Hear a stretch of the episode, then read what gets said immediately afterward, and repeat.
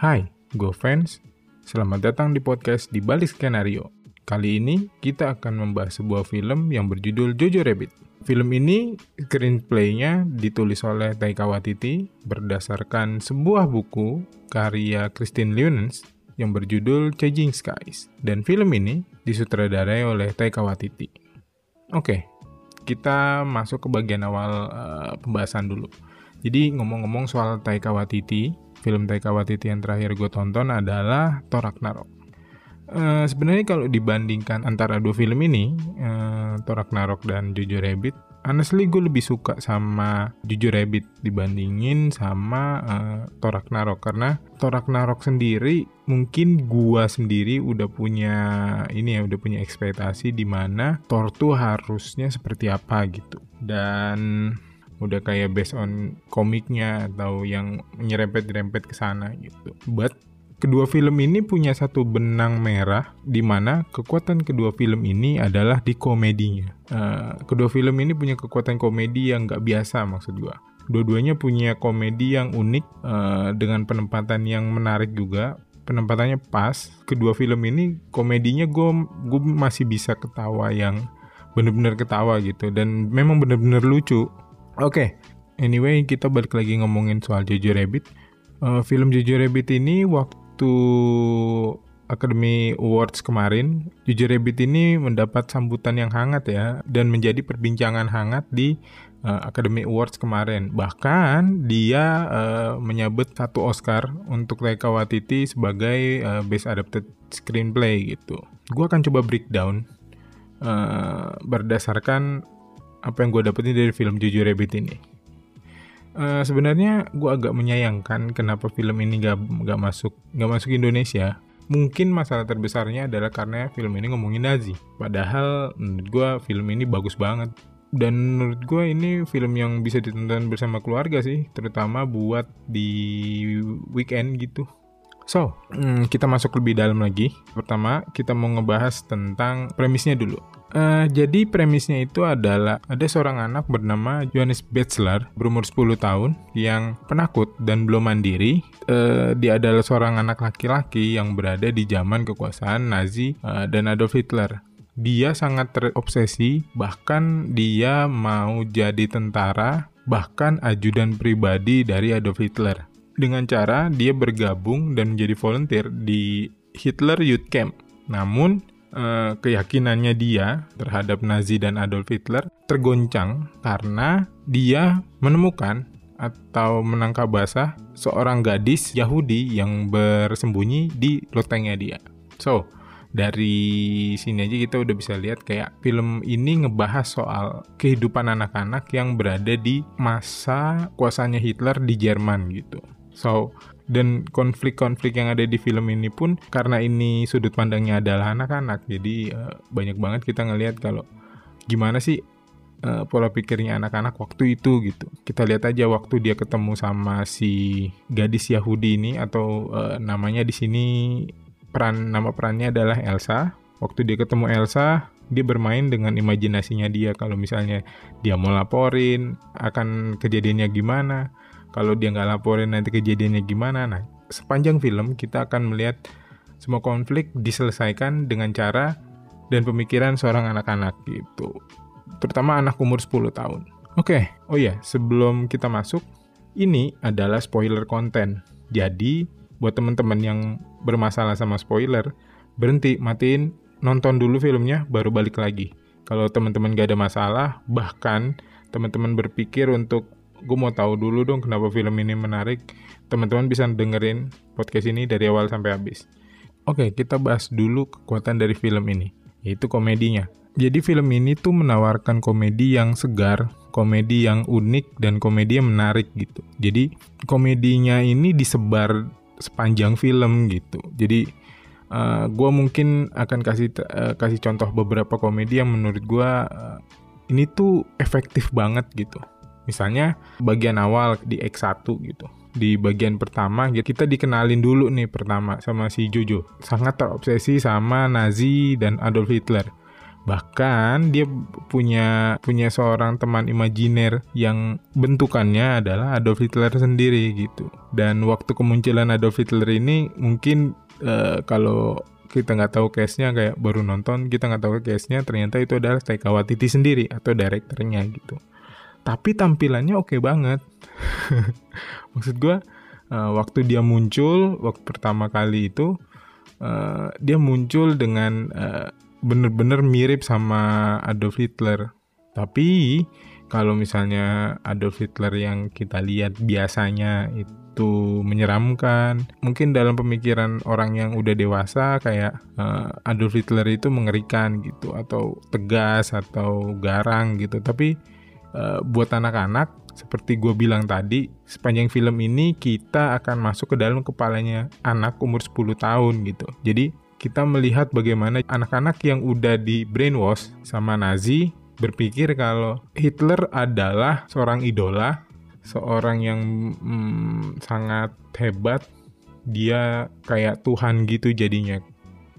Nah, eh, komedi selanjutnya adalah yang menurut gue oke okay banget. Sebenarnya banyak banget sepanjang film ini banyak komedi yang lucu-lucu banget, cuman uh, yang menurut gua the best the best ada dua yang pertama yang tadi dan yang kedua adalah di Act 2B di Act 2 bagi, di Act 2 bagian kedua yaitu setelah midpoint uh, mau ke masuk mau masuk ke All It Lost di Bad Guys Come In kita bisa lihat waktu orang-orang dari Secret Police yang bertugas untuk menangkap orang-orang Yahudi yang bersembunyi di kediaman Jerman atau menangkap orang-orang pemberontak. Uh, mereka datang ke rumah Jojo untuk uh, memeriksa rumah Jojo gitu, karena sebelumnya mamanya udah duluan ketangkep gitu. Nah, bagian lucunya adalah saat uh, perkenalan polisi-polisi uh, itu waktu ketemu Jojo dan waktu masuk ke dalam rumah. Jojo terus ketemu beberapa orang lainnya yang baru datang gitu. Nah, seperti kita ketahui kalau misalnya salam Nazi waktu itu antara sesama Nazi di Jerman waktu itu adalah waktu zaman kekuasaannya si Hitler. Tiap orang mengucapkan salam dengan uh, Heil Hitler. Nah, hebatnya Taika Waititi adalah sense of humornya bagus kali ya menurut gue. Jadi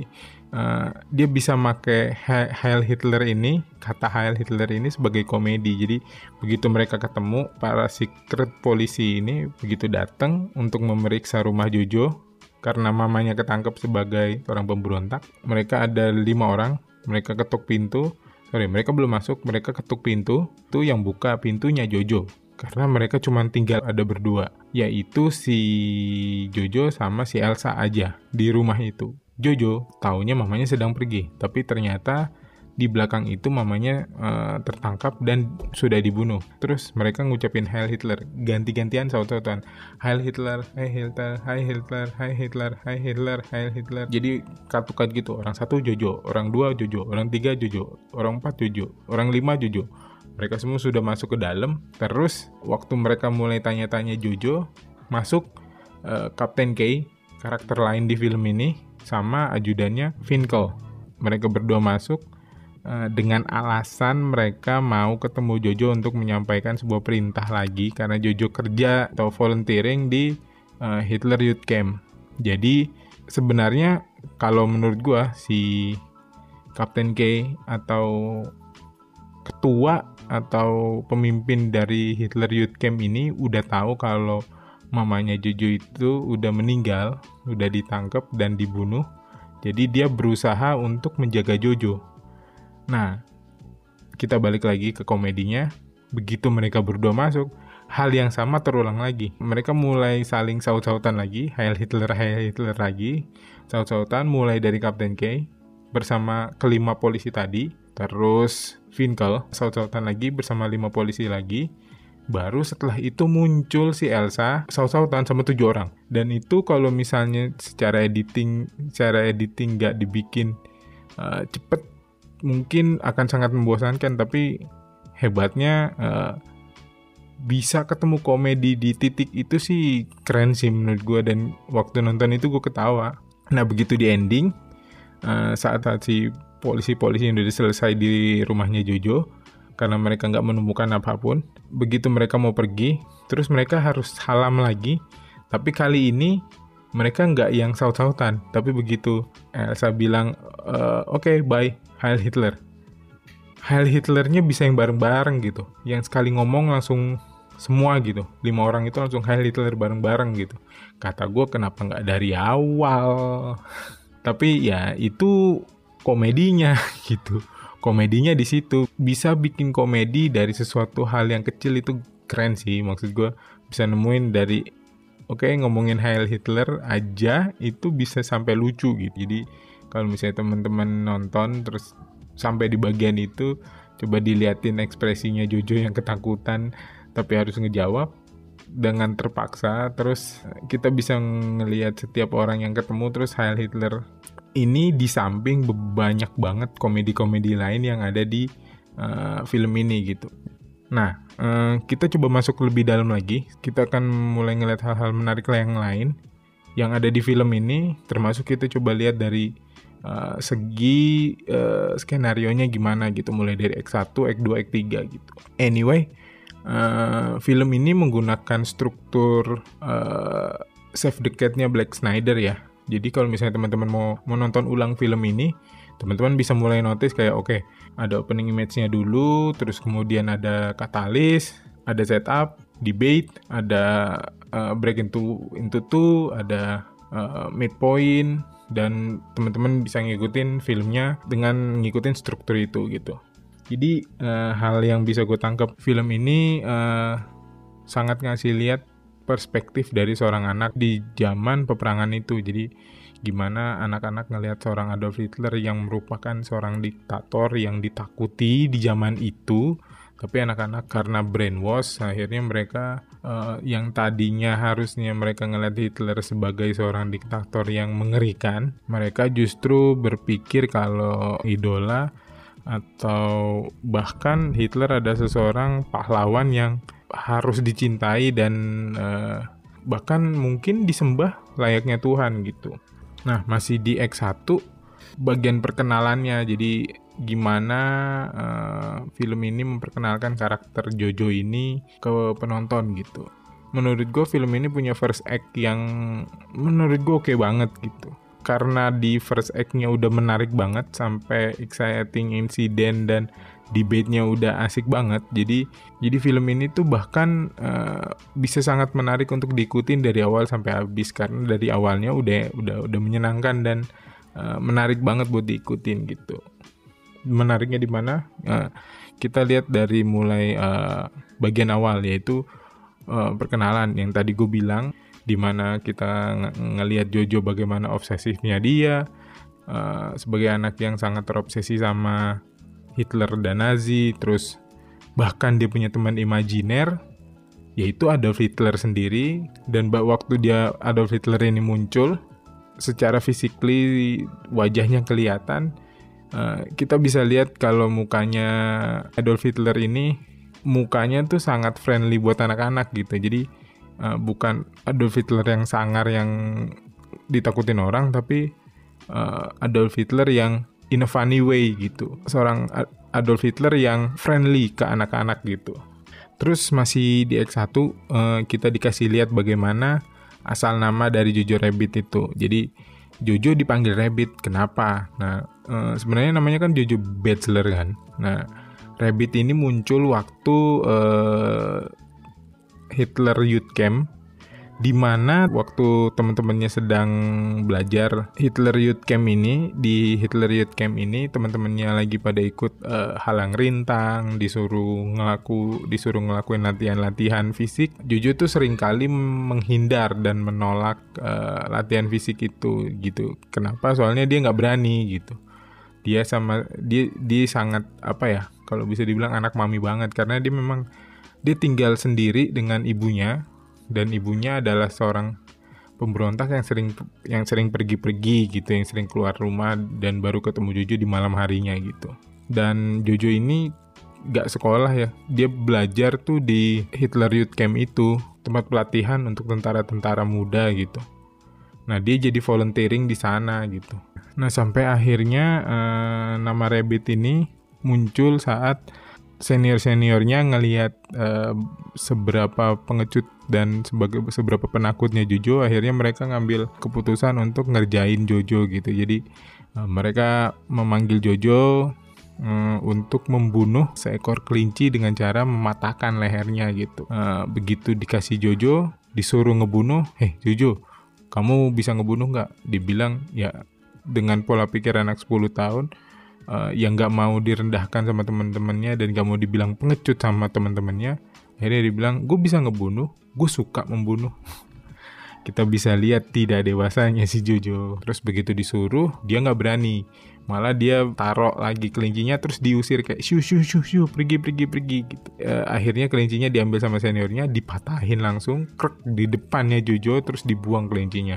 Kemudian Jojo pergi karena dibully oleh teman-temannya dan dipanggil Jojo Rabbit. Dari situ kita bisa lihat kayak oh ternyata Jojo Rabbit ini sebenarnya adalah sebuah olok-olok untuk Jojo yang nggak berani atau Jojo yang penakut atau Jojo yang pengecut gitu. Nah dari situ uh, saat pergolakan batinnya dia dia nangis terus dia mendapatkan konflik di dalam dirinya dia karena dibully itu muncul lagi nih si siapa Adolf Hitler teman imajinernya dia. Jadi uh, eh, FYI, jadi uh, si Adolf Hitler ini akan muncul setiap kali Jojo sedang pergolakan batin gitu.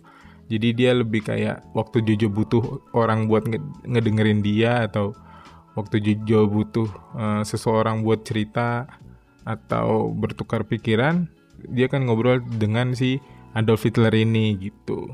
Nah di sini baru masuk uh, tema dari film ini. Jadi sampai sini baru masuk tema dari film ini yaitu uh, Jojo harus jadi seperti seekor kelinci di mana kelincinya ini adalah kelinci yang berani, mandiri, bahkan dia bisa mencari makan uh, untuk seluruh keluarganya gitu.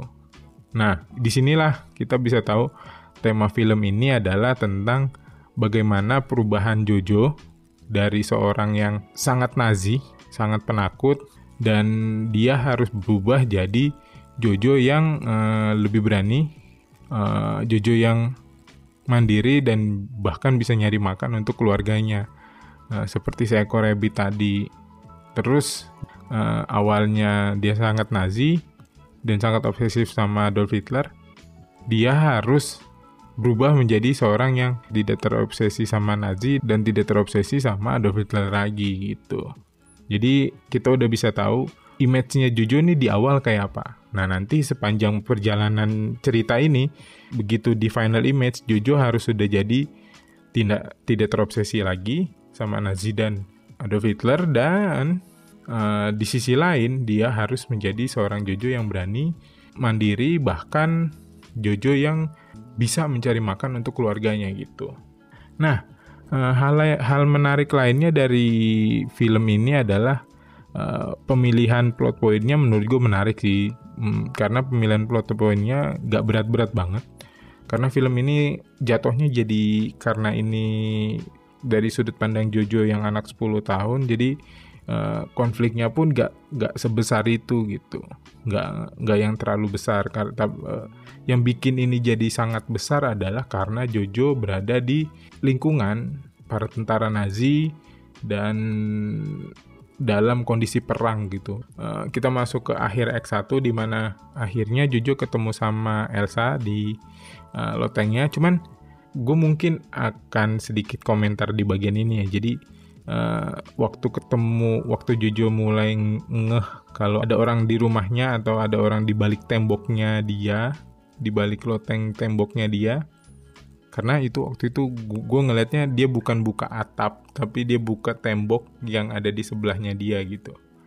So kayak ada orang yang bersembunyi di uh, tembok kalau gue ngelihatnya bukan loteng biasa ya jadi bukan loteng yang ada di atas. Mungkin dia ada di loteng tapi lotengnya ini di bagian ada di da, di balik di balik apa di balik kayak uh, temboknya dia di baliknya ada ruangan kosong untuk mungkin naruh barang. Uh, nah si Elsa ngumpet di balik situ. Nah waktu ketahuannya pun gue nggak ngerti ya. Mungkin gue yang kurang peka atau gimana tapi waktu si Jojo ngelihat ke arah lantai terus dia lihat kok ada yang aneh kenapa nih begitu dia telusurin telusurin keanehan yang dia lihat itu terus dia nemuin pintu. Ternyata di temboknya dia bisa dibuka. Begitu dia buka terus ngelihat ke dalam dia masuk ke dalam lihat-lihat ada apa ternyata di dalam ada si Elsa. Nah di situ mereka mulai yang kayak eh lu siapa lu? Gue Yahudi. Wah di situ Jojo mulai hah? Lu Yahudi? Oke gue akan aduin lu ke tentara Jerman gue akan aduin lu ke tentara Nazi biar lu ditangkap gitu.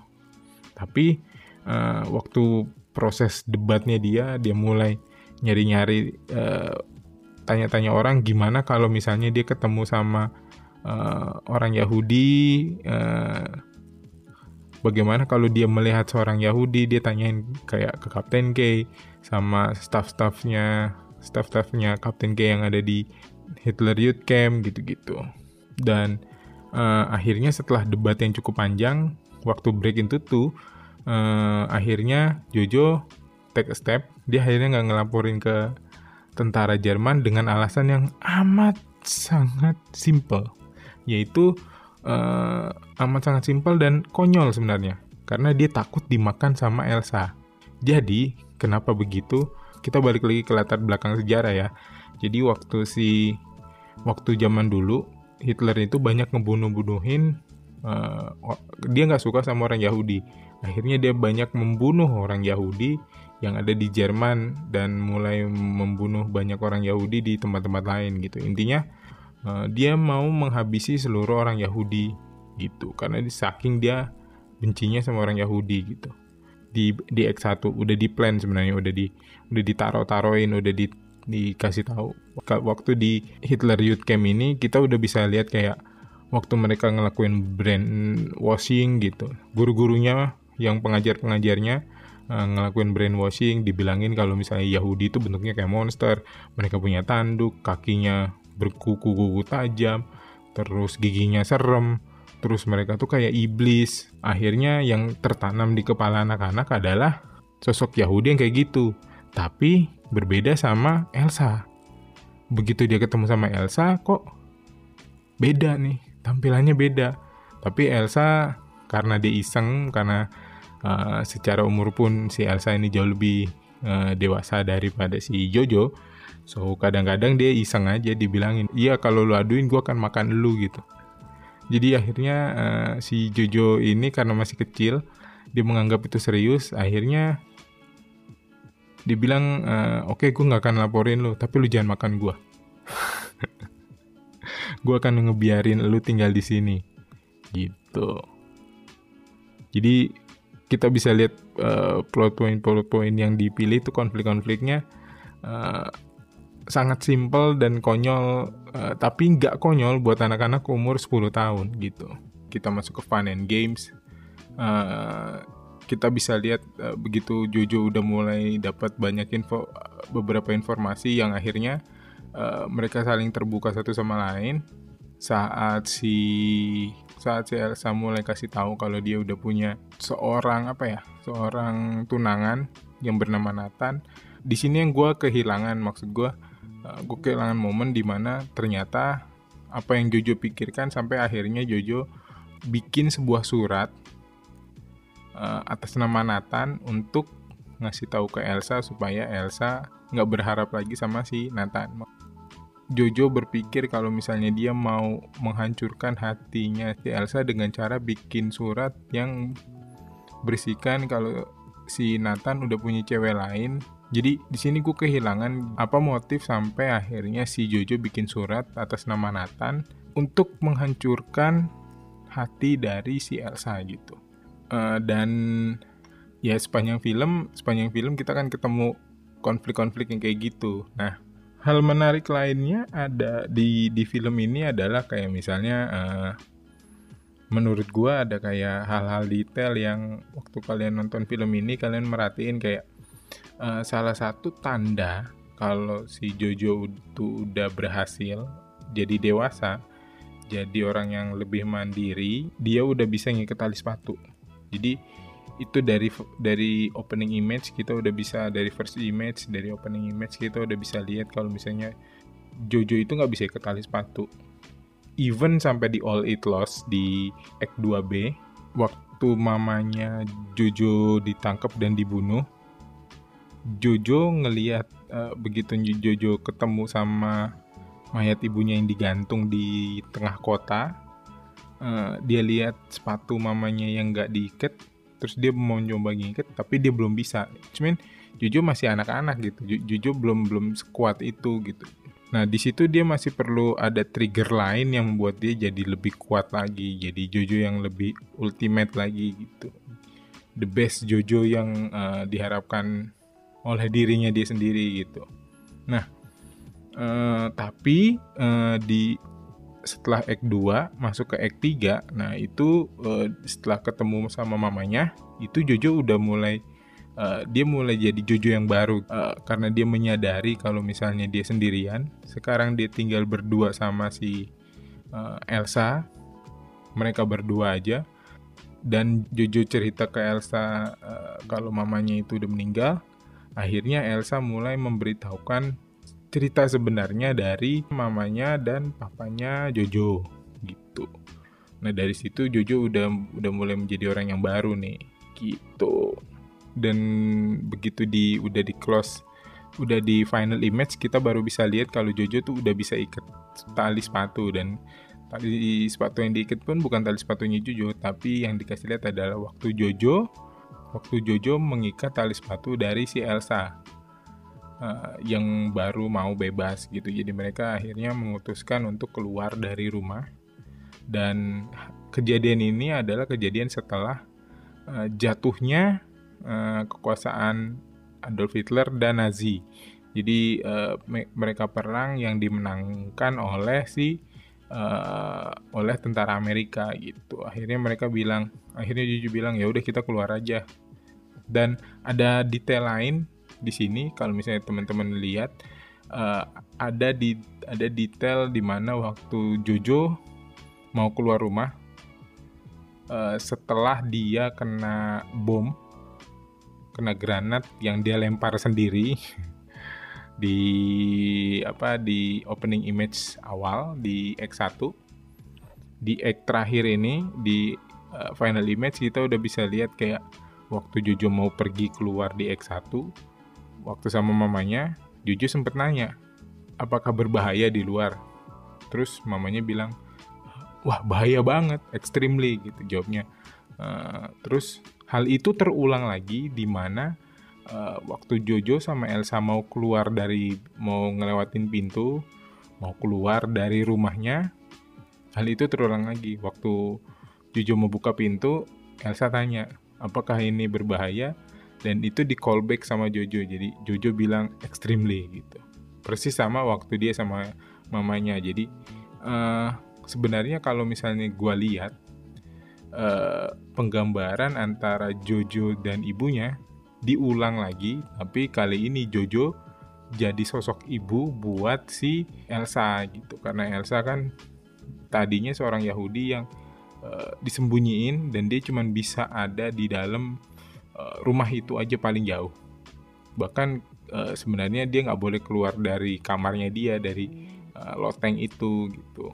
Nah, terus salah, salah satu catatan gua adalah e, cara Jojo dibuat menjadi jadi jauh lebih dewasa gitu. Jadi gimana nih caranya? Nah ini ini, nah ini menurut gue menarik. Jadi e, kenapa menarik? Soalnya kita bisa lihat kayak Jojo tuh tadinya waktu masih ada banyak orang dewasa di deketnya kayak uh, dia tuh masih sangat apa ya? Masih sangat bergantung sama orang-orang dewasa ini kayak dia sama mamanya, uh, bahkan dia sama Captain K. Uh, tapi uh, gue mau ngasih tahu kalau misalnya di film ini bahkan untuk membuat Jojo untuk menjadi Jojo menjadi seperti seekor kelinci uh, yang tadi diomongin di awal.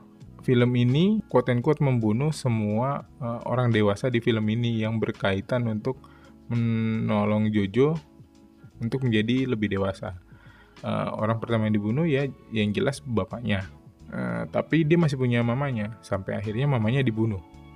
Begitu mamanya dibunuh, dia nggak punya siapa-siapa. Begitu perang karena dia masih belum segitu dewasanya, dia masih kayak bingung. Uh, Oke, okay, kita harus ngapain? Terus uh, si Jojo di, sempat ditangkap sama tentara Amerika karena dia masih berkeliaran memakai baju uh, tentara Jerman waktu itu, tentara Nazi waktu itu. Begitu ditangkap, dia ketemu di tempat orang-orang di itu semuanya ditangkap dan kemudian setelah itu dibunuh. Cuman uh, si Jojo ditarik ke tempat itu dan ketemu Kapten K di sana. Nah begitu saat ketemu Kapten K di sana, Kapten K uh, akhirnya uh, dengan berat hati harus uh, ngusir bahkan ngeludahin Jojo supaya Jojo bisa selamat gitu. Jaketnya dibuka, terus Jojo diusir. Setelah itu Kapten K dibunuh. Uh, sampai akhirnya di titik itu baru uh, Jojo bisa menjadi seorang anak yang jauh lebih dewasa, jauh lebih kuat dan uh, bahkan kalau misalnya gue lihat Jojo bisa menggantikan peran ibunya untuk peran ibunya untuk menjaga Elsa gitu. Yang sebenarnya notabene uh, Elsa jauh lebih tua. Tapi dalam hal ini karena dia sekian lama bersembunyi di loteng mungkin uh, lah yang satu-satunya bisa ngejagain dia sekarang. Gitu. Oh ya gue akan ngebahas sedikit tentang Yorkie. Jadi Jojo ini punya teman. Temennya ini adalah menurut gue dia bisa dibilang apa ya uh, dia itu kayak kalau misalnya ngikutin pembagian karakter gitu. Nah si uh, Yorkie temennya temennya uh, Jojo ini, Yorkie yang uh, berumur 11 tahun, dia ini adalah uh, seorang trickster atau bisa dibilang dia dia um, screen time-nya nggak banyak, tapi sekalinya dia muncul, dia akan selalu uh, ngepush atau ngelawan atau bahkan memberi perspektif lain dari uh, pemahaman atau uh, dari pemikiran Jojo yang dia punya saat itu gitu. Jadi kayak dia akan menguji apa yang dianggap benar sama uh, Jojo. Kalau misalnya dibilang kalau misalnya Jojo ini adalah orang yang sangat konservatif nah kalau misalnya Jojo itu seorang anak yang sangat konservatif uh, dia sangat